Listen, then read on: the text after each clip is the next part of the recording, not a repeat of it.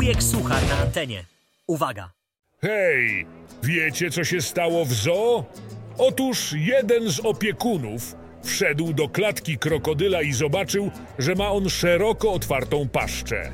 Zaniepokojony drugi opiekun podszedł do niego i zapytał: Co z nim? Pierwszy opiekun odpowiedział: Nie wiem, weterynarz już pół godziny nie wraca.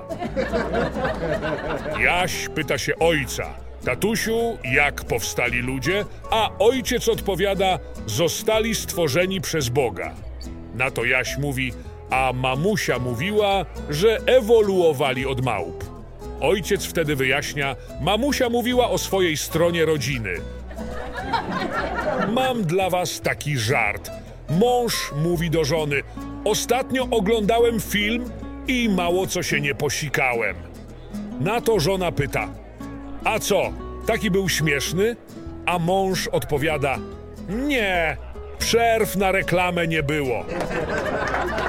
Hej, posłuchajcie tego żartu, który ostatnio usłyszałem.